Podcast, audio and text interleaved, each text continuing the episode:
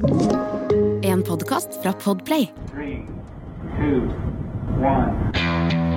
When lift off. One, two, three, four, five, five, four, three, two, one. Enter bed. Okay, we checked all four systems, and there you go on modulation, all four, and keying with a go. Quality base here. The Eagle has landed. Idet du hører dette her, eh, da gitt at du setter på denne podkasten sånn eh, omtrentlig når den blir sluppet, så er eh, vi på vei til Svalbard, til Ny-Ålesund. Eh, Ut på eventyr, eh, Eirik. Har du Ja. pakket lange underbukser og ull? Har begynt å, å se på det, og dessuten uh, skaffet meg eh, for første gang på veldig lenge sånn eh, etternettilkobling, fordi at det er ikke wifi der oppe. Altså Ny-Ålesund har jo veldig strenge regler på trådløs kommunikasjon. Bluetooth skal av. Bluetooth Alt skal av. skal Ja. være i Så lenge har telefonen min aldri vært i flight mode. Nei, altså Jeg føler liksom at telefonen min kommer til å se på det som en sånn der ferie på spa i en uke. På, så, sånn helt vidunderlig, bare slapp av. Eneste grunnen til at den er med, er for at du skal bruke, ta bilder med kamera. Ja, den kommer liksom. til å fungere som kamera. Ja. Eh, men i hvert fall, i mellomtiden, da, før du hører noe fra oss der, så skal vi nå ta for oss noe helt annet. For en stor Ja, altså Vi gidder ikke å gå inn på den lista der og alle de tinga som Elon ikke har tenkt på. Nei, Eh, Men en av de eh, er dette her med å få denne svære, flotte Tintin-raketten hele veien til månen. Mm. Eh, Ambisiøst nok i seg sjøl. Problemet med det er at eh, det finnes ikke Og dette her vet de, så det vet alle, så jeg, det er unødvendig å si det. Men det finnes ikke bensinstasjoner i verdensrommet. Så det må man gjøre noe med. Bortsett fra i Armageddon, hvor Peter Stormare var en veldig beruset eh, administrator for en russisk eh, bensinstasjon. Det var Ja. Jeg elsker Peter Stormare. ja. På en litt, jeg har møtt han en gang. Har du var, det? Ja, det var helt tilfeldig på en pub i Oslo. Uh, så Du er sikker på at det var 100 okay, sikker på at det okay, var Petter okay. Stormare. Uh, Oi, du var stor, sa han til meg. Ok. Ja, han sto i bånn av en trapp, og jeg sto i toppen av en sånn, ja. trapp. Ok. ok. Han er ganske svær, han òg. Ja, det var det jeg tenkte, liksom. Ja, nei, men det var mitt møte med Petter Stormare på. Kafé Tamara mm, for veldig- mange, mange år siden. Ok, kult. Ja, kafé. Men jeg liker han. Ja, God Veldig bra. Og han, ja, han, var, og han var helt utmerket som uh, forfylla russer som hadde Urias-posten med å passe på bensinstasjonen som ingen trengte, før plutselig Bruce og vennene hans kom forbi. Da, da trengte de det.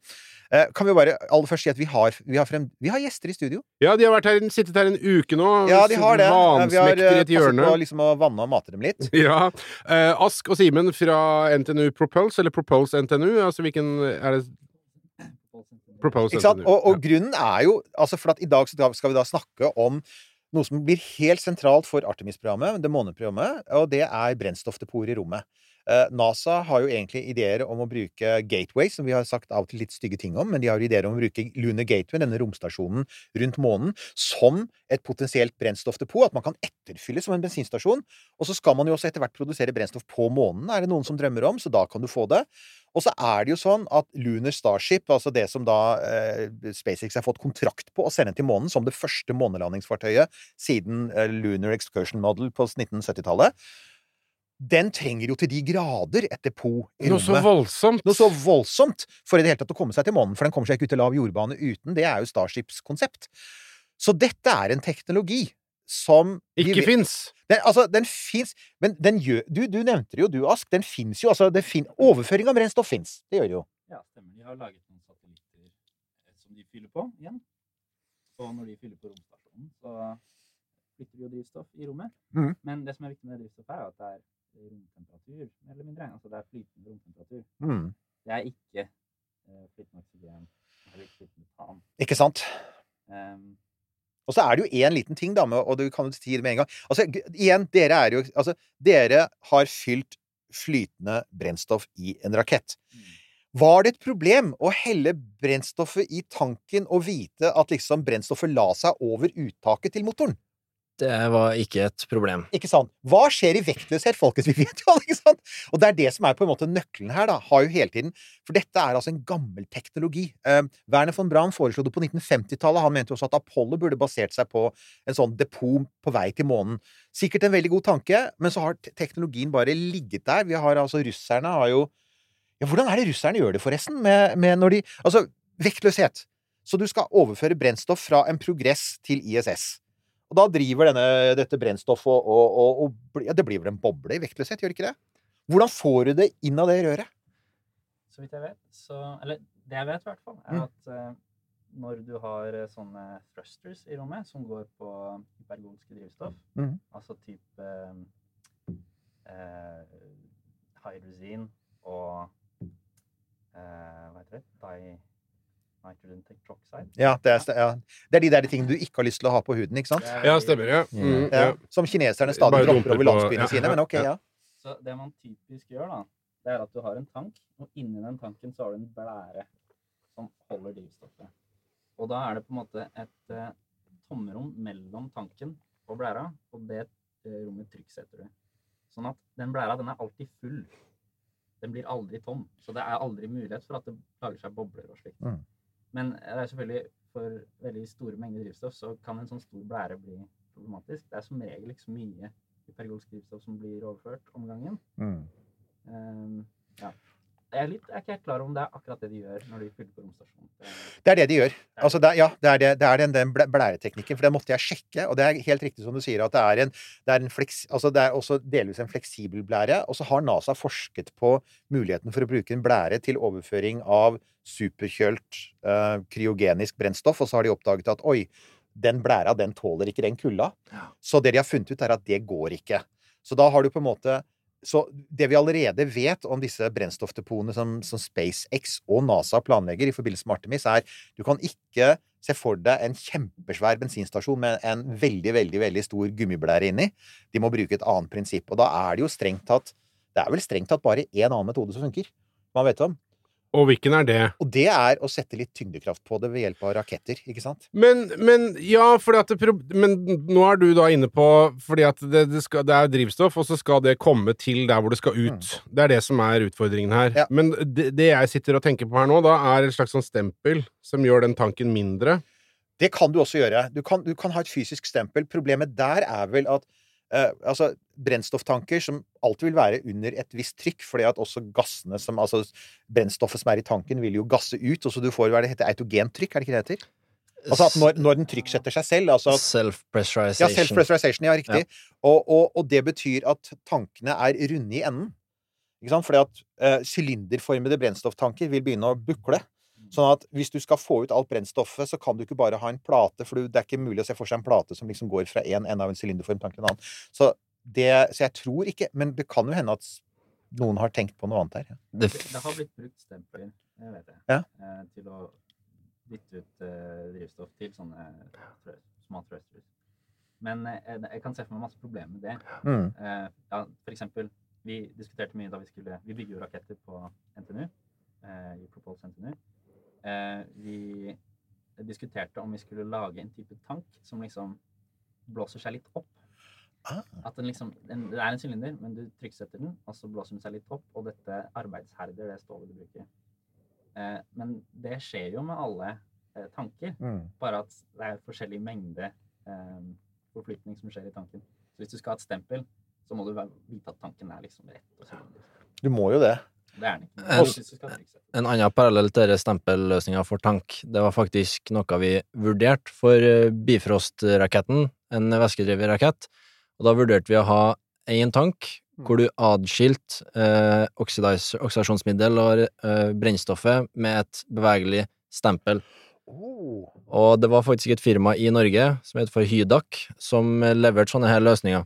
Men det var veldig tungt, da. Eh, For du må jo ha litt annen geometri for å få plass til et stempel inni her, og for at det skal faktisk kunne bevege seg på, på gode måter. Og Så så er, det, det, så er det vel også ekstra mekanikk, og det betyr at du, det, det blir masse Flere mer bevegelige deler. Flere og sånn. deler, Ja, ja. og det blir mer frakt opp i rommet. så vi som landa på at det ble for eh, mye, både kompleksitet og vekt. Den var kanskje viktigst. Så Ikke sant? Og så tenkte jeg på en annen ting, for at i, altså for i, uh, i deres siste Bifrost og i deres neste Valemon, så er det jo t- så, så har dere trykk ikke sant, i tanken som, Ja. som presser brennstoffet ned i brennkammeret. Men igjen, det kan dere fordi at tyngdekraften sørger for at brennstoffet ligger nederst, og trykket virker ovenfra. Ja. Mens hvis du ser hva som skjer i en tank, og, og SpaceX har jo lagt ut en video av hva som skjer inni en brennstofftank med Falcon 9 før første trinnet snur og lander ned igjen, og da ser du at du kan sette så mye trykk du bare vil, men det bare presser på boblene som flyr, så du, du, det skyver ikke en bestemt retning. Så det du ønsker deg, er jo noe, en kraft som kan gjøre at brennstoffet går i den retningen du vil. Ok, så den, den, den tanken, uansett eh, hvordan den er utforma, så må den snurre. Rotasjon er én måte å gjøre det på. Ja. Men rotasjon har jo noen ulemper, da. For at, altså, når du skal sette Du kan tenke deg altså igjen, SpaceX snakker om å overføre 1200 tonn, og så skal du i tillegg ha selve, selve beholderen. Og da har vi gigantiske ganske, Altså stor masse som roterer. Og så skal du dokke et romskip som det som også skal rotere. Og det, det kan jo hende at rotasjon er løsningen der, men det jeg tror mange ser for seg Og det, du ser SpaceX har sluppet noen konsepttegninger, har de ikke det?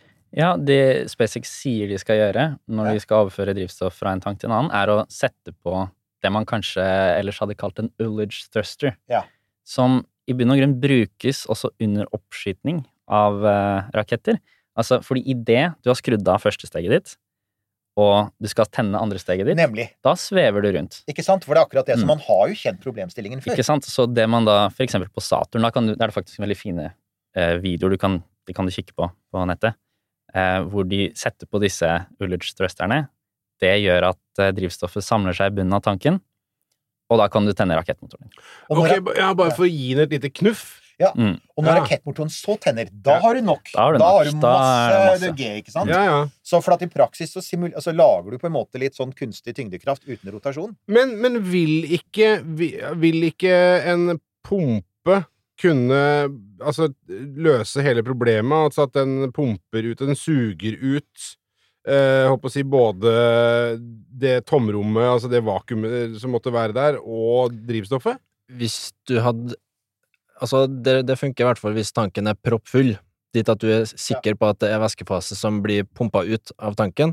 Men Hvis du ser, hvis du ser på den parallellen som du nevnte med Falcon 9, når det første steget har slutta å brenne, så eh, ender du opp med en hel haug av svevende blobs av drivstoff.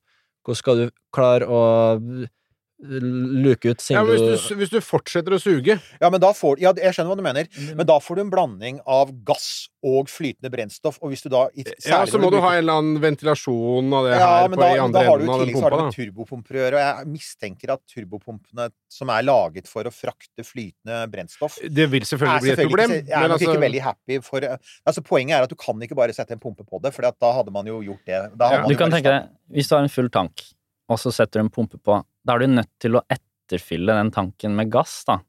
Så da vil du jo på en måte eh, putte gassbobler inn, og etter hvert så suger du gassbobler istedenfor Med mindre man har lyst Med mindre det er en vakuumpumpe, da, som drar ut alt den der, inkludert gassen. Ja, det var et eller annet Men sånt da må på. jo tanken dimensjoneres for å tåle Da må man Ja, det er akkurat det. Det er ikke nok ikke noe Men atmosfære, i da. verdensrommet så er det jo tilnærma lik null. Eh, bar med atmosfærs trykk, Ja. så du vil ikke ha den knusende ha den vekta fra atmosfæren effekten. som er på deg. Så da må du klare å holde deg unna Eller altså Det blir jo ikke det, det er kanskje ikke så dumt, da. Altså, den må jo ikke tåle Ja, men- så mye ytre last. Nei, men du, men du vil fremdeles ha problemet med at du da suger en blanding av eh, Ja. Jeg altså, for- liker hvordan dette ble et utviklingsmøte. Jo, men vet du, men, men, men grunnen, til at det, grunnen til at det blir sånn, er jo nettopp at dette her er jo, har jo vært en konstant hodepine. For dette her, er- dette eh, brennstoffdepotet i rommet er jo blitt kalt den beste romteknologien som aldri er utviklet. Og grunnen til det er jo at effekten for visse typer ferder er enorm. Altså, når du skyter opp, så du, du var jo inne på det i forrige sending, dette med at mesteparten av en rakett på vei opp er jo bare brennstoff. Og så tømmer seg, så tømmer den seg nesten helt, og så har du litt brennstoff igjen til å skyve den av gårde til planetene, eksempel. Hvis, hvis en romsonde kunne stoppe underveis og fylle på brennstoff, altså ta, i lav jordbane eksempel, fylle opp brennstoff, så kan du sende mye mer masse til Mars eksempel, enn det du kan bare hvis du sender direkte, og det samme gjelder jo da til månen. Så det er jo, det er jo en teknologi med veldig, veldig stort potensiale. Men jeg tror de- det de har endt opp med, er jo eh, det du snakket om med sånn Ullage-løsninger. Eh, og det er rett og slett dette med at du, eh, at du sørger for å bare gi et lite dytt, sånn at brennstoffet samler seg over inntaket, og så pumper du. Sånn at du ikke du får den blandingen av gass og etter hvert vakuum og brennstoff som du vil få med den andre løsningen. Og så får du en jevn strøm, er det liksom et sånn laminær strøm, en pen strøm, for det er en annen ting. Du skal, med brennstoffdepot skal du først fra én tank over i en annen, og så skal du fra den tanken over i en tredje tank igjen. Og det er der jeg lurer på om den der løsningen med å drive og suge alt som er i tanken, inn, om ikke det kan gi deg et problem. Da må du blant annet ventilere tanken for Ja. all gassen. Ja. Ny, ny tanke. Ja. Tanke, ny idé. Eh, Cartridge-system. Hva med bare bytte ut tanken? Altså at du har tankene ligger der oppe, og så bare setter du inn en ny tank. Vet du, Problemet løst. det tror jeg faktisk er Det tror jeg egentlig var litt sånn tanken til ha-ha-tanken. Åh, oi, oi, oi. Er, vi er Ja. veldig, nå er vi veldig på sånn kombinasjon Mm. av brainstorm og dad jokes. Ja. Um, det er, tror jeg, lurer på om ikke det var en av ideene som eh, blant annet miljøet til von Braun hadde i sin tid, og det var nettopp det at du sendte opp rom... Altså, eh, de, de var jo tidlig ute med romferjer, at du i lasterommet til romferja så hadde du kart, altså sånn cartridge-system med, med brennstoff som du bare tok, og så tok du det ned igjen når det var tomt. Det er en annen løsning, Ja. selvfølgelig. Det er jo faktisk ikke så dumt. Det for, men det forbeholder jo at du har en standardisert løsning fort, da, for å Ja. få til å masseprodusere og sånt. Men det er mye som er standardisert i rommet, for eksempel måten man koble seg på den internasjonale romstasjonen. Der er det jo en internasjonal standard for påkobling, sånn at alle, som alle kapslene må forholde seg til. Den er til og med androgyn, så den eh, passer begge veier. Ja. Eller du du kan bruke den til å sette sammen to Og det kan man jo se litt på um, noe annet som han Musk holdt med, det er jo elbiler, batteri. Mm. Der er det jo noen firmaer som har eh, kommet fram til at de skal, i stedet for å lade opp eh, batteriene på ladestasjonene sine, så kan du få bytta ut batteriet ditt Ja. til et helt fresh og nytt et. Det tar kort tid. Ønsker jeg i hvert fall, da. Så det er jo kanskje en liten sånn type um, helomvending som kanskje kan funke oppe i verdensrommet òg. Ikke sant? Problemet er jo, og det er der vi kommer til det som liksom er liksom sakens kjerne, og det er, det er Artemis, ikke sant? Artemis er helt konkret. Artemis ruller og går nå. Artemis 2 med folk i bane rundt månen, sånn kopi av Apollo 8, skal helst skje i løpet av dette året, ikke sant? Og så er det Artemis 3, og NASA trodde de hadde god tid, helt til kineserne begynte å vise med alvor. Kineserne mener alvor, ingen tvil. Vi ser hva de gjør med romstasjonen, vi ser hva de gjør med raketter. Kineserne mener alvor. Og nå begynner de å snakke om å gjøre og lande på månen før 2030. Tidligere snakket de om sånn 2035. Nå snakker de om 2028-2029. Og da tenker jeg OK, vent nå litt. Nå begynner det å bli knapt mellom når amerikanerne skal være tilbake, realistisk sett, og hva kineserne snakker om. ikke sant? Så NASA har et tidspress på seg, så de har jo ikke egentlig tid til altså, Det er masse fancy løsninger de ikke kan velge. Så det er sånn OK, hva er den eh, og, og, og nå helt konkret, da, med SpaceX, hva er den helt, liksom, Hva er den raskeste løsningen de kan få til? Er vel egentlig det det handler om nå. ikke sant? Jo, men og, og, og, så skal man jo da ha Var det 1200 tonn med drivstoff opp? Ja, Ja, altså De de har jo eh, sluppet noen bilder av en, eh, en versjon av Starship som bare er en sånn romdepot. mm, Eh, Og det som er verdt å nevne seg der, er jo at tanken er veldig mye, har veldig mye isolasjon mm. på seg. Det handler jo om eh, em, på en måte det termiske omgivelsene man er i. Mm. Jeg, jeg, jeg har vært på utveksling i Delft. Der tok jeg et fag som heter Spacecraft Thermal Design. Oh, Da fikk, jeg, da fikk jeg muligheten til å regne litt på hva som skjer med objekter du forlater, bare lar ligge i rommet. Mm. Eh, nå er det litt skummelt å si noen nøyaktige tall, så jeg skal prøve å være litt mer generell. Men hvis du har noe eh, i avstand jorda, da, ute i verdensrommet, hva, hva, hvilken temperatur får det? Alle tror at det er veldig kaldt, ikke sant? Men Ja, så enkelt er det ikke. Nei, fordi det er på en måte Det er ikke en myte at rommet er kaldt, men det er altså ikke helt beskrivende. Fordi rommet er jo tomt. Det er jo egentlig ikke noe i rommet som har en temperatur, i hvert fall ikke noe med masse. Det er jo bølger i rommet som man kan på en måte si har en temperatur, men, men eh, det som egentlig er spørsmålet, er hvis du legger fra deg en kule da, ute i verdensrommet ved jorda, hvilken temperatur får den kulen? Det er veldig avhengig av hvilken farge den kulen har. La oss si den er svart. Da blir den varm. Liksom hundrevis av grader. Og det er fordi at sol Ikke sant? Vi er ganske Fordi, nær sola. Ikke sant? Fordi Ja. sola står der og, og pumper varme inn i den, det objektet. Eh, hvis den er hvit, så kan den bli ganske kald. Eh, fordi det er flere, nesten alt sollys reflekteres. Så det å ha en satellitt i verdensrommet Dere har sikkert sett at de ofte er dekket med sånn folie. Mm. Det handler om å reflektere ting. Ja. Dere har kanskje også sett at de har noen paneler som ikke er solcellepaneler, det er bare en sånn slags eh, aluminiumsbit. Mm. Det er en, ofte en radiator. Som en kjøle, kjølefine. Ikke sant? Det er, Riktig. Sånn. Halvparten av panelene på ISS omtrent er vel det. Altså, Riktig, du ja. sier, å, det er så mye solcellepaneler. Nei, vel, faktisk vil se nøye på det, så vil jeg se at veldig mange av dem er rett og slett radiatorer. Ja. Og ikke minst, romdrakter har kjøledrakter. De har ikke varmedrakter, ikke sant? Så, så høy temperatur i rommet kan absolutt være et problem. Og romdrakten er hvit. Og det er romdrakten er nemlig. ikke sant? Så overflaten på månen, da, for eksempel, det er når man kan spørre seg hva er egentlig temperaturen der? Jo, det varierer jo veldig, da. Fordi på baksiden er det mørkt, og forsiden er det ikke all, eller, På én side er det mørkt, og på den andre siden er det lyst. Mm. Og den roterer sakte med omtrent en måned eh, for hver dag på mandag. Så på morgenen der så kan det være sånn minus 10 eller pluss 20 eller noe sånt på overflaten. Etter hvert så kan det bli hundrevis av grader. Mm. Og da kan det hende det er problematisk å lande der òg. Ikke sant? Og dette, her er jo, og dette har jo da å gjøre med at hvis du har dette depotet der oppe, og du har superkjølt, ikke sant, og da er det minus, da er det minus 160, minus 180, er det ikke det? Ja, minus 180. Ja. Og, og da er det klart at hvis du da, når du har det på solsiden, så vil jo det bli utsatt for denne kraftige Mm. solstrålingen. Og da får du det som jeg vet har vært en ting de har jobbet mye med på dette feltet, og det er boil-off, som de kaller det. ikke sant? Dette med at du ser det jo også når for eksempel Falcon 9 eller Starship står på paden, så ser du at det hele tiden kommer røyk ut, ikke sant? Og det er, det er, det er, det er liksom sånn oksygen og metan som koker ut, som, som står og bobler, og så må de slippe ut for å lette litt på trykket. Og jeg har sett en ting som det har vært forsket mye på, er sånn å lage sånne brennstofftanker i rommet som, som ikke venter for mye. For at når du begynner å slippe ut en gass, så fungerer det også som en rakett. ikke sant? Mm. Så det er mange sånne ting å Men hva var det du kom fram til der? Altså, hvor For, for, for et sånt depot Det må vel det må, jo, det må jo skjermes på et vis, må det ikke det? 1202. Ja. Um, og det har jo vært masse konsepter om dette her. Ja. Um, for eksempel Robert Subrin har jo laget en del sånn uh, Hvordan reise til Mars. Mars eh, Direct, ja. Vi har snakket Mars om han før, ja. ja. Eh, og han så for seg at han skulle ta med en del hydrogen til Mars. Og hydrogen er, altså flytende hydrogen i hvert fall, er enda verre enn flytende oksygen og metan når det kommer til temperatur, er minus 250 Bare spør NASA med SLS. Ja. De har eh, Ja. Så boil-off med hydrogen er veldig mye vanskeligere å stoppe. Mm. Men på tross av det her, så mente de at de skulle klare å lage en tank som kunne skjerme dette hydrogenet fra å fordampe hele veien til Mars. Mm.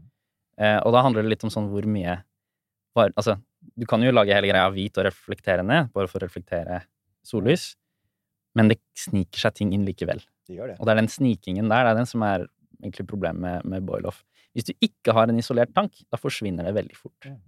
Så det kan jo kanskje være et problem for denne ideen vi hadde her om eh, å bare ha en standardisert tank. Vel, hvis hver eneste tank du må sende opp, må ha masse isolering på seg, så kan det bli veldig tungt.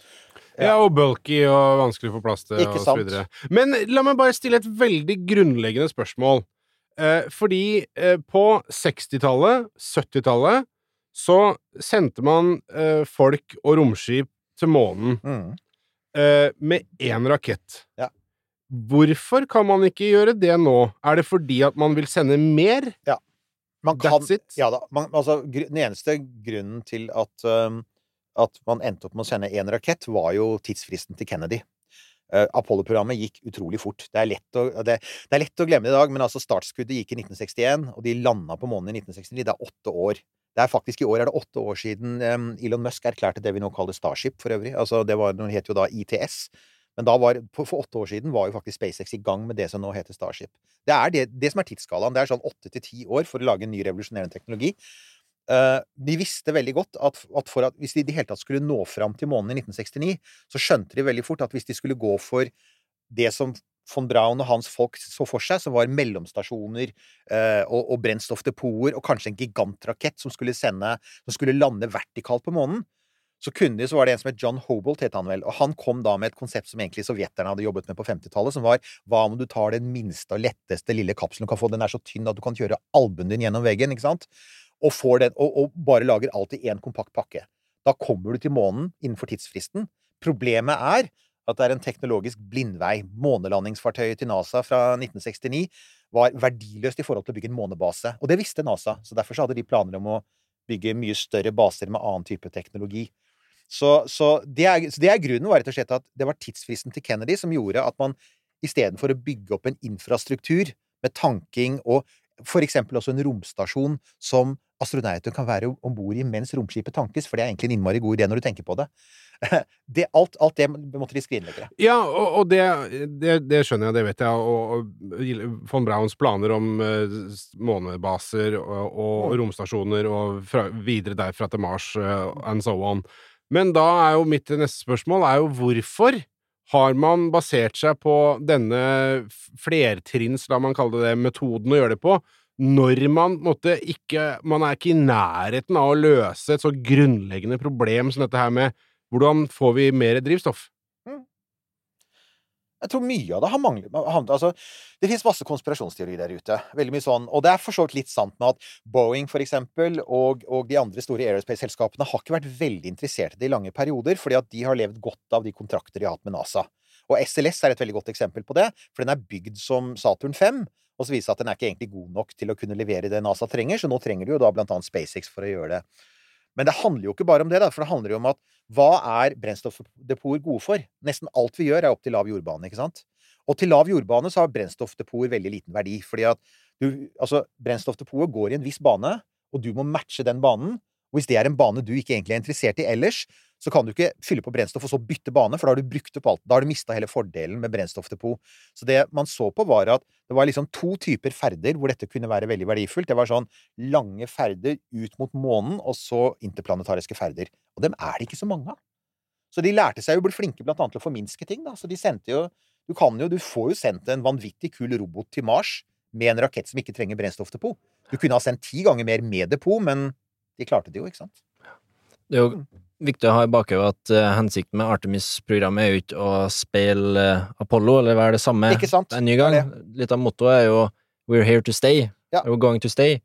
Og da eh, handler det ikke om at du skal stay inni en uh, bitte liten eh, kapsel og kjøre rundt noen kilometer på overflata og så dra hjem etter noen dager. Da er det jo snakk om eh, kontinuerlig menneskelig tilværelse på månen, og det må jo være levbart.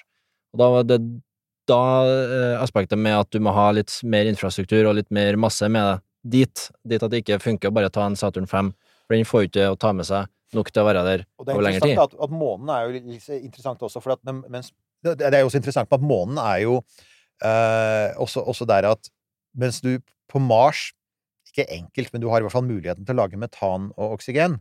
Månen har ikke så lett tilgang på karbon. Så der har man snakket om sant, en hydrogen- og oksygenøkonomi i så fall. Og det er jo, som du var inne på, det er jo ikke, det er jo ikke, det er ikke trivielt. Uh, å- altså å jobbe med basert på måneis, ikke sant, og så skal man spalte den. Så, men det er jo helt konkrete planer, det òg, da, man snakker om. Jeg vil tro at så snart du er flink nok til å komme deg på månen, da klarer Ja, du du klarer å lagre hydrogen. å, å håndtere hydrogen. Ja. Eh, Men et annet aspekt ved denne eh, nye månearkitekturen er jo egentlig dette med gjenbrukbarhet. Mm. Det er jo egentlig et, et premiss for at hele greia skal fungere, er at du skal kunne eh, skjøtle ting opp til lav jordbane uten å bruke opp raketter. Mm. Eh, og jeg tror det er litt derfra den ideen om at du må ha et depot i lav jordbane, Mm. kommer fra. Mm. Fordi eh, økonomien går nesten ikke opp hvis du skal bruke Saturn 5 til å fylle drivstoff. Mm. Nei, det er nok sant, det, altså. Og klart, det, men da kommer du tilbake til den Da kommer du for så vidt tilbake til de som da er mest aktuelle akkurat nå, og det er SpaceX. På et eller annet tidspunkt så er det snakk om å lage noen depoter i forbindelse med Gateway og sånn, men det er mye lenger ute i tiåret. Det vi veit, er at du får jo ikke til Human Landing System eller Lunar Starship, eller hva man velger å kalle det. Man får det ikke til uten en, en massiv oppgradering av etterfylling av brennstoff i, i rommet. Og der er det jo det, Altså, systemet til SpaceX er jo interessant, for der har det vært mye diskusjon frem og tilbake de senere årene. Og det siste NASA sa om det, syns jeg er ganske slående. De, det var rett før jul, hvor en ganske høytstående NASA-representant sa at um, hun trodde, eller NASA antok, at man ville trenge, for å, for å fylle én tank i lav jordbane, som så skulle fylle opp Lunar Starship, som så kunne dra til månen, så ville man trenge noe sånt noe som High teens, sa man altså. Langt altså Over, Over over? Ja. og godt over det. Over 15. Ikke sant? Ja. Mellom 15 og 20 missions med tank. For da skal du først fylle opp 15-20 tankferder som skal fylle opp depotet, og så skal raketten dokke med depotet, og så skal den fly til månen. Og det er klart, det er Da er det noen helt egne ting som dukker opp, og det er liksom sånn? Hvor, hvor realistisk er det, Ja, liksom? nettopp. For, for, jeg tenker, for å gjøre det, det så må jo først eh, en Starship-launch til lav jordbane bli, altså i anførselstegn, en triviell sak. Ja, ikke sant? Akkurat det. For du skal gjøre det veldig mange ganger, veldig fort etter hverandre. Og det, det, nøkkelen der er som du sier, gjenbrukbar, ikke sant? Og da er det rapid reusability. Ja. Dette gjentok Elon Musk faktisk i et Det er jo ikke så ofte han poster konkret om Starship for tiden, han er mest opptatt av andre ting. Men det var Hæ? Nå, skjønner jeg ikke hva Nei, du sant? Jeg, mener. Så, så, jeg, jeg prøvde faktisk å finne den opprinnelige postingen. Jeg fant den via en direktelenke. Hvis du går inn på siden hans, så ser det ut som en eller annen sånn litt sånn ytterliggående republikansk politiker. Det er så mye politikk der nå.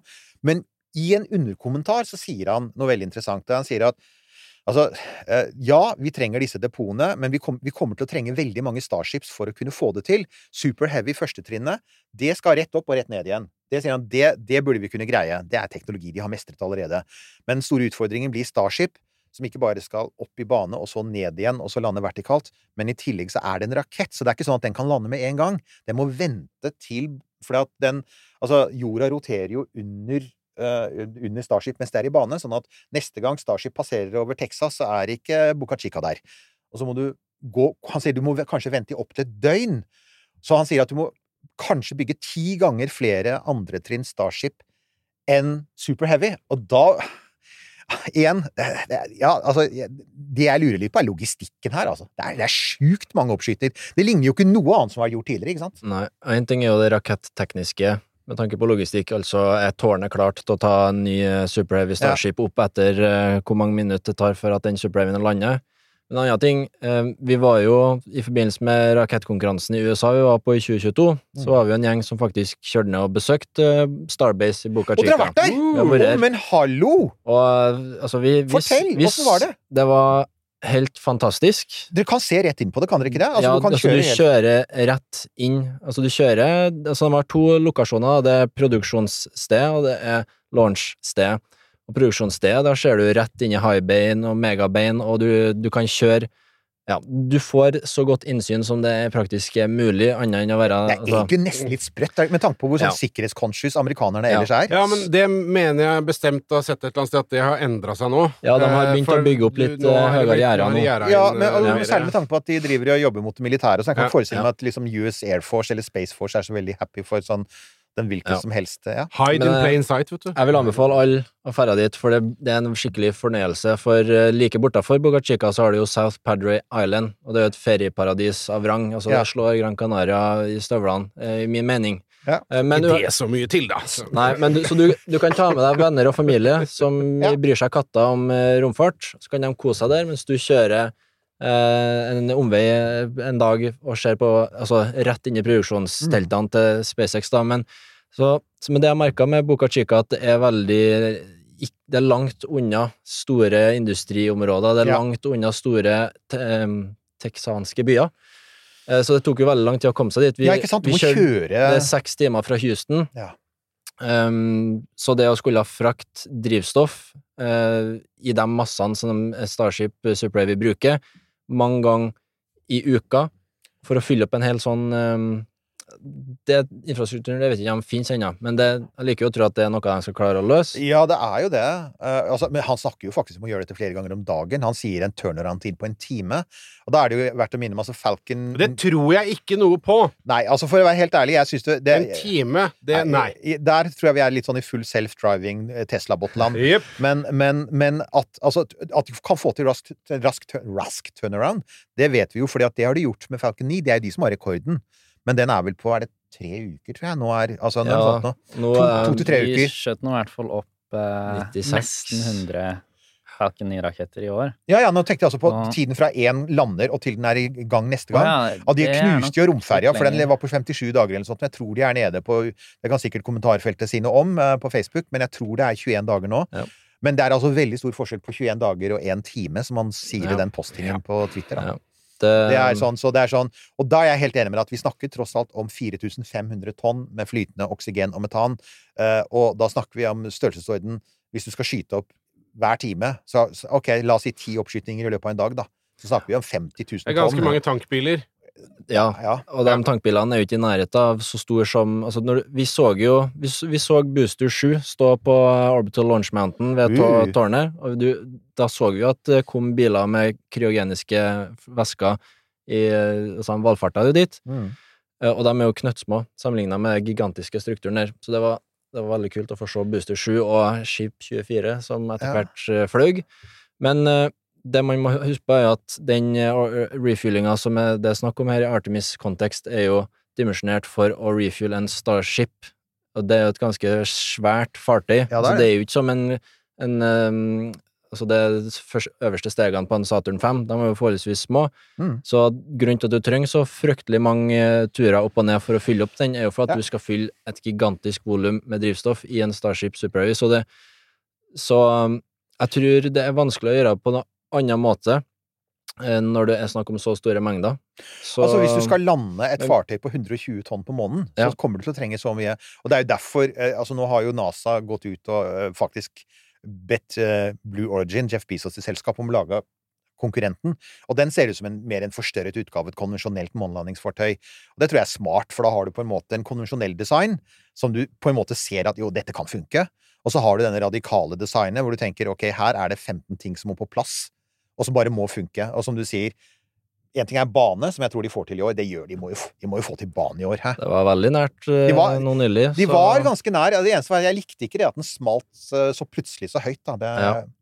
Uh, ja. Det er jo én ting med dette med Blue Origin da, som kan være interessant å snakke om. For det er ikke, det er ikke bare SpaceX som har litt sånn umodne teknologier på gang. Nei. Fordi Blue Origin eh, de har på en måte laget en hydrogenversjon Det stemmer, det. Det av det, det, det er. Mm. eh, Starship, eller det SpaceX gjør, da.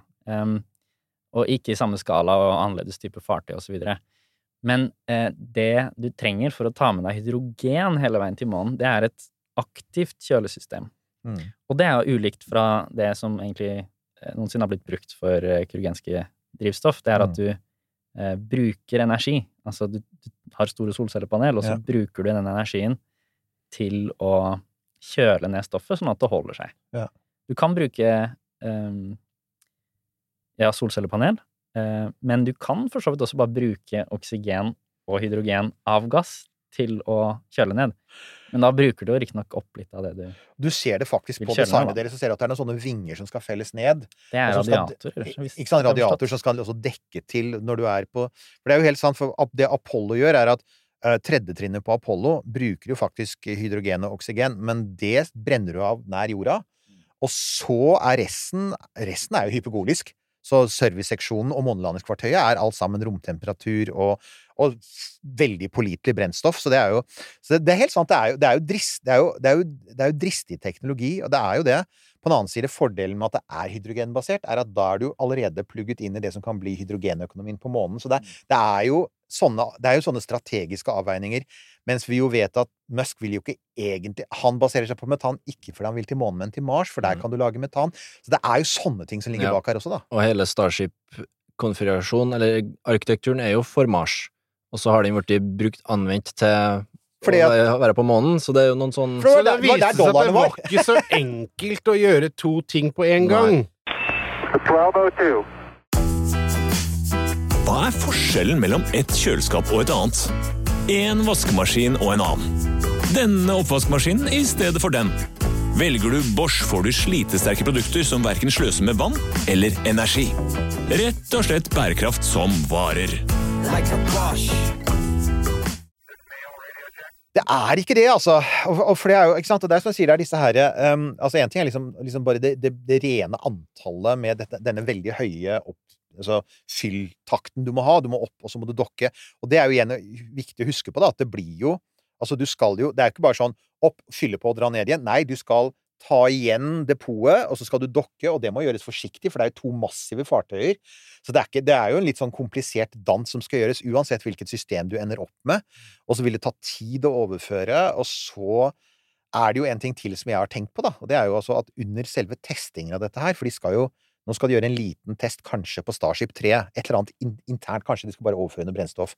Men en ting som folk kanskje ikke tenker så mye på, er at den der modellen som SpaceX er så glad i med å la ting detonere, kan ikke skje i rommet, for da får du romsøppel. Så etter at de har fått Starship til å begynne å gå i rute, og skal begynne å teste ting i rommet, så blir det veldig strenge krav til at ting ikke skal eksplodere. Og det kommer til å legge en ekstra, ikke sant, en ekstra press på dem, så da kan ikke Elon bare si 'la oss kjøre det'. Nei, nei, nei. For du kan ikke, du kan ikke detonere 120 tonn med stål i lav jordbane. Da får du hele verden på deg, ikke sant. Så, så det er masse det er, det er mye kompleksitet her. Ja, hvis man skal være på månen for å bli, så må det jo mye masse til månen. Og Ja. da er det jo enten at du har et gigantisk skip som fer dit, hvor du trenger veldig mange turer opp og ned til lav jordbane for å fylle det gigantiske skipet, eller så har du små skip som Ja. da må Du har mange shuttles med Ja. det små skipet for å frakte tilsvarende masse. For nå begynte jeg å komme dit at kanskje det kunne like gjerne være greit å gjøre det sånn, for da får man det til ganske raskt. For så, Eh, altså det, det, det er jo et godt poeng, da. Altså, hvis du gjør det Du kunne for så vidt bruke Og det er det jo Det var jo egentlig planen, var vel å ha en, en, en forbedret versjon av SLS som faktisk kunne lande ting på månen. Det er vel skrinlagt nå.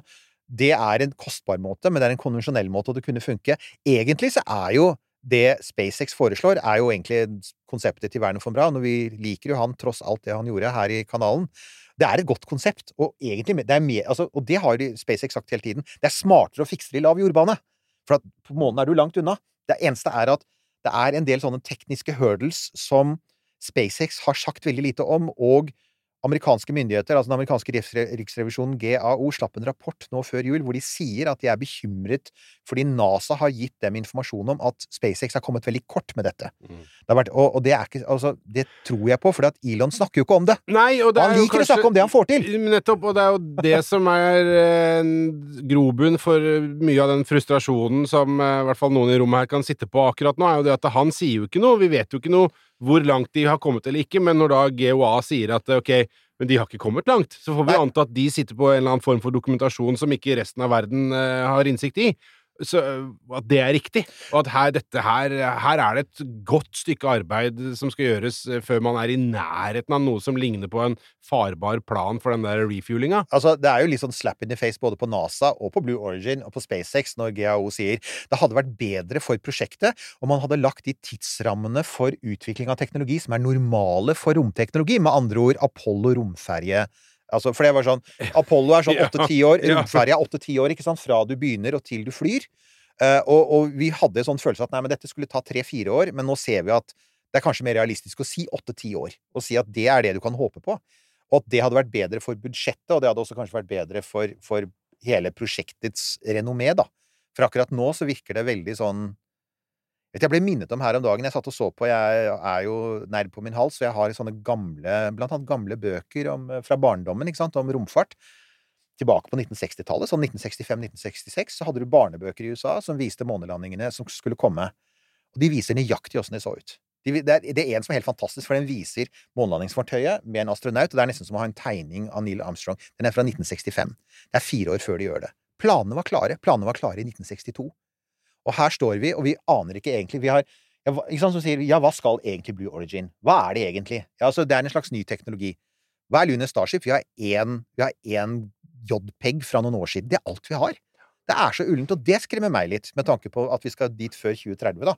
Det, er liksom sånn, det virker Ja. så veldig Det er så mye som er uferdig. Det kan jo være en av eh, ulempene med at man blander inn det kommersielle inn i bildet her, da. Kan De, hende. Det er jo eh, et eksperiment. Vi har ikke gjort det før. Det kan jo hende. På den annen side, jeg vil jo på en måte si at uh, det er litt i SpaceX sin ånd å være litt sånn seint ute med ting, og så Det er.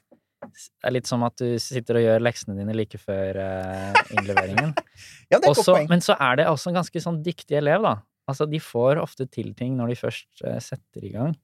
De gjør det. Så det kan hende at det bare er en refleksjon av at det er på en måte en slags kulturkrasj mellom NASA og SpaceX. Det kan være, men det som, det som, den bekymringen ligger jo på at NASA da de inngikk kontrakten sin med SpaceX, så, så var jo en forutsetning for at de skulle gi kontrakt på å lage et månelandingsfartøy, var innsikt i den kulturen som har vært så hemmelighetsfull.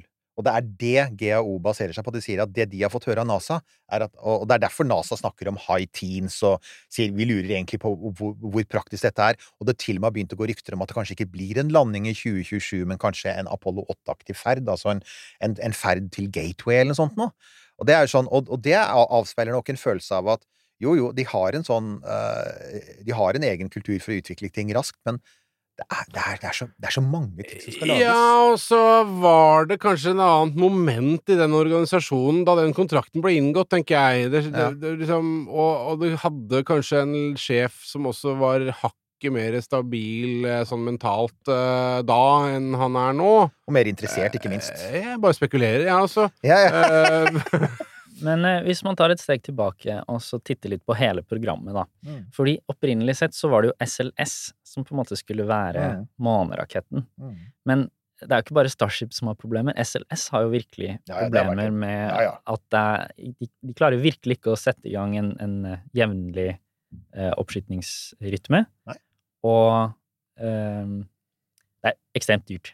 Ja, men det har jo bare vært kokos kokos fra s- ja, Ja, det er- det er kokos. Send et lånsystem, system, alt det der. Vi har jo snakket Mm. om det før. Så Ja. det som jeg har inntrykk av at skjedd, har skjedd nå, er jo at de har innsett at dette funker ikke. Mm. Så da tar vi det nest beste, og det er SpaceX, og de har litt sånn crazy planer, men Mm. dette må vi bare gå med på, skal vi Ja. fortsette med dette prosjektet. Mm. Og det er litt sånn terningkast, hvordan går nå dette?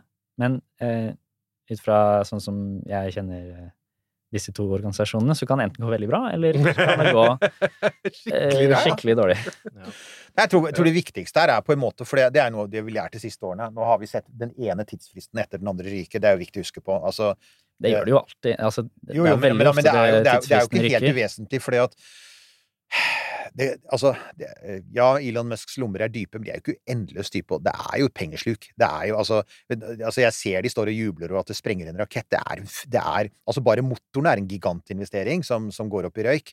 Så jeg, jeg lurer så det er jo det er, det er den der klokka som tikker, og, og alt arbeidet som skal gjøres, som Det er derfor jeg sier at 2024 blir nok et litt sånn avgjørende år, for at nå må du Altså, nå har det vært snakket om at den skal fly, og det har de snakket om veldig lenge. Eh, Den skulle flydd i fjor, den skulle flydd året før, ikke sant? Han snakket jo om at den skulle lande på Mars i 2020 og alt dette her. Så tenker jeg ok, 2024. Jeg tror det er litt sånn bære eller briste. For hvis, hvis vi på slutten av 2024 står der og sier ja, nei, vi har fire ferder som var sånn halvgode, så tror jeg det kommer litt politisk press, ikke minst. Det tror jeg. Det kommer et press på Musk som han ikke har sett maken til før. Vi skal ikke, minne, vi skal ikke glemme da at Crew Dragon var kraftig forsinket da Jim Bridenstine, Trumps NASA-direktør, sa kan du, kan du få, få opp farta? Og de skjerpa seg. Mm.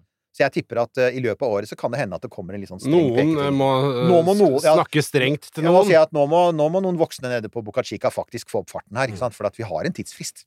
Men jeg, jeg syns Personlig så syns jeg det har gått ganske fort på mange måter òg. Hvis du tenker ett år tilbake i tid nå, så hadde Starship Super Heavy launcha null gang. Og om ikke så lenge ifra nå, så har den launcha tre ganger. Så er det jo ikke nødvendigvis en successful launch, men det er jo en ganske utradisjonell rakett. En ting, altså Hvis man sammenligner med Saturn 5, det var en ganske svær rakett som var, hadde, var veldig kraftig. Den var jo dimensjonert for å frakte en uh, service module og en uh, crew capsule ned til månens overflate. Så den raketten som vi snart ser den tredje launchen av, den er jo kapabel til å lande en nevneverdig payload på Mars. Så det at den har litt større floker å løse i utviklingsprogrammet sitt, er jo å forvente. Og da syns jeg det er veldig crazy at de har klart å nesten få til tre launches på under ett år, med tanke på hva den er kapabel til når de først får det til. Og forskjellen fra Integrated Flight Test 1 og 2, den var ganske stor. Det, det så Så- veldig pent ut veldig lenge. Det, Ja. det gjør det. Men dilemmaet med å gjøre det på den måten er jo også at du alltid ender opp med en lang etterforskning i etterkant. Ja. Og det er jo den tingen, og da får du denne greia med ja, men hvorfor kan ikke myndighetene la ting eksplodere? Vel, det er 4500 tonn med brennstoff. Riktig. Myndighetene må etterforske, så det blir ikke så rapid som de håper på. Nei. Og de fikk jo en forsinkelse. Altså, de må jo ha en sånn oppskytings... Altså, planen var å skyte opp fem i fjor, og det ble to, ikke sant? Eh, og jeg håper jo at det blir fem i år. Men for det må det nesten til, for du, du får jo ikke dette til å funke uten en, en, en høy testrate, da. Men, men igjen så tenker jeg at det det koker ned til, da, for å runde litt av her, så er det nøkkelen til alt dette her skal skje. Nøkkelen til Mars, nøkkelen til månen, det er altså brennstoffdepoter i rommet. Det må vi si. Og det har det vært fra starten av. Den første presentasjonen av det som nå heter Starship, i, i, i Mexico City i 2016, hvor Musk står på scenen på en sånn internasjonal astronomisk kongress, og det ligger ute på YouTube. Og der presenterer han Det er, det er konseptet. Altså, det, den har forandra litt form, og den har krympa litt, men det er konseptet. La meg bare komme med en liten uh, lignelse der. Det er når man legger en tidsplan, uh, og så sier man vi skal bare gjøre sånn, vi skal bare gjøre sånn. Uh, alt det er i orden, det får vi til ordna til. Og så skal vi bare få unga ut i bilen. Ja. Det, altså det drivstoffdepot, den derre refuelinga, det er bare få unga ut i bilen. For det er en sånn X-faktor som du bare tenker at ja, men det skal gå greit. Um, Og så er det et sant helvete. Det, sånn, eh, det var et lite drypp fra min verden. jeg kjenner din verden, for jeg er jo forelder selv, og er noen av dere foreldre? Ikke ennå. Nei. Kan jeg si, vet du hva, Kanskje det er derfor vi er litt sånn mer sånn "Nje, Ja. Vi får se hvordan det går. Bygg, bygg raketter, dere. Bygg, Bygg raketter. raketter. Dere skal fortsette. med det Dere vet mer enn oss om Jeg vil dette. gjerne komme med ett eksempel. I Ja. forrige episode snakka vi om Bifrost. Det var mye nytt, Ja. og det var kort tid. Og stor, en stor del av det prosjektet eh, gikk i at ting var planlagt, og så ble det eh, forskjøvet. Altså, Ja. Vi lærte oss, vi fikk det banka inn Ja. i, med hammer i hodet, at TTT, ting tar tid. Ja. Alt ble utsatt i det prosjektet, men det eneste som traff akkurat når det skulle, det var oppskjøtninga. Ja. Så Nei, men det er helt sant. Det er altså, det, så det, det, Jeg liker den positive innstillinga di. Ja, men det er bra. Ja. Det er bra. jeg kjente det på kroppen. Ja. og Ja, ja, ja, men det er så- sant. Nei, men altså, En positiv innstilling er viktig. Det er altså, Det er det. Men Det er det. poenget er at de har en tidsfrist. Ja. Eh, og de skulle ha hatt en ubemanna landing i år på månen. Det skjer ikke. De skulle lande Artemis 3, var opprinnelig satt opp til 2025. Det skjer ikke. Men det skjer jo heller ikke med Artemis 2, så det veit vi jo. Eh, og, det er det som er greia her, at, romfart også er politikk, som vi liker å si. Eh, og det er tre milliarder dollar som er lagt på bordet av NASA, og de dollarene skal faktisk altså så jo, så Hadde det bare vært et privat prosjekt, så kunne de jo dille om, Da kunne de gjøre som Jeff Bezos og holde på i 20 år og ikke gjøre noe. Men de, men de har tidsfristen, og ikke minst nå med Kina på banen. Og jeg tror det er en av de tingene som gjør at NASA også er nervøse nå, er at det, det er ikke lenger sånn For da de starta, husker du da de starta på Artemis, var det jo greit. Vi gjør det i løpet av 2020-tallet. Altså, og det var ingen som Det var ikke sånn veldig sånn OK, det blir 2025 eller 2026. Men så kommer jo kineserne på banen med Nå har de konkrete planer og konkrete modeller, og alle som følger dem, sier at de mener alvor. Så Og igjen så er Kina en deilig antagonist. Heia Kina, sier vi, for snart må alle snakke mandarin uansett.